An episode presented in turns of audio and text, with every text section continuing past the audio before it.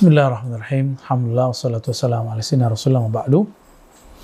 Sahabat Rumi yang melakukan Allah. Ada sebuah hadis di riwayat Imam Ahmad, ada sekitar empat redaksi bahwa Nabi Shallallahu Alaihi Wasallam sebagaimana dikabarkan oleh Abu Hurairah eh, yuba uh, mengatakan yuba yi'u li rajulin ya ma bainar rukni wal maqam atau yuba ya'u akan dibayat akan diambil sumpah setia daripada uh, rajul rajul di situ Al Imam Al Mahdi di mana di rukun antara rukun dan dan makam benar rukni wal makam antara rukun dan makam hadis ini adalah kelanjutan daripada kisah bahwa Al Mahdi nanti setelah diislah dia kemudian bergerak bergerak bergerak melakukan futuhat. Terakhir digabungkan dengan hadis ini. Ada juga ulama kita yang mengatakan ini dulu baru putuhat. Terserah dari semua itu, yang pasti Al-Mahdi diri diperdebatkan riwayatnya apakah dia emang tinggal di Madinah atau tidak. Karena ada sebuah riwayat di Abu Daud, saya ingat saya, bahwa Al-Mahdi itu adalah seseorang yang muncul dari Madinah. Dan orang salah faham mengira bahwa Al-Mahdi tinggal di Al-Madinah. Bukan.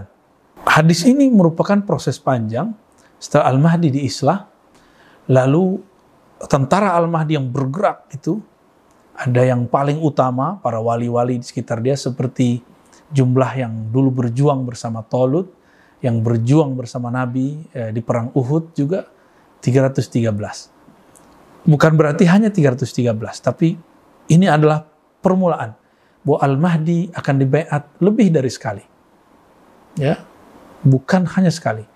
Bahkan ada pembayatan sebelum islah, ada pembayatan setelah islah. Ada pembayatan sebelum islah, seperti Nabi dulu dibayat oleh orang Madinah, bayat akobah pertama, akobah kedua, bayat ada syajaratul ridwan, dan segala macam. Ini menunjukkan bahwa bayat tidak sekali. Jadi banyak sekali beberapa pengamat, pengkaji eh, tentang Al-Mahdi akhir zaman dan mengira bahwa bayat cuma sekali. Tidak. Ihal ikhwah, al-bai'atu bai'at. Ya, bai'at itu berkali-kali. Ya. Dan ini salah satu puncak dari bai'at itu. Bahwa pembai'at itu adalah di antara rukun Yamani eh, dan makom Sayyidina Ibrahim. Ya, di situ Sayyidina Al-Mahdi di bai'at. Bukan berarti kita pergi haji, tiba-tiba kemudian kita ngaku Al-Mahdi, Al-Mahdi, bayatlah saya. Bukan, itu mudah sekali jadi Al-Mahdi. Bukan seperti itu. Nanti akan terjadi Al-Malhamah Kubra dulu, setelah selesai semua itu, baru Al-Mahdi masuk ke kota Makkah dan Madinah, di situlah beliau dibayat. Nah, siapa yang membayatnya? Yang membayatnya sama jumlahnya dengan jumlah pejuang Talut, pejuang Uhud, dan pejuang yang kita sebut pejuang Al-Badr, ya, bukan pejuang Uhud, pejuang Al-Badr, yang jumlahnya sekitar 313.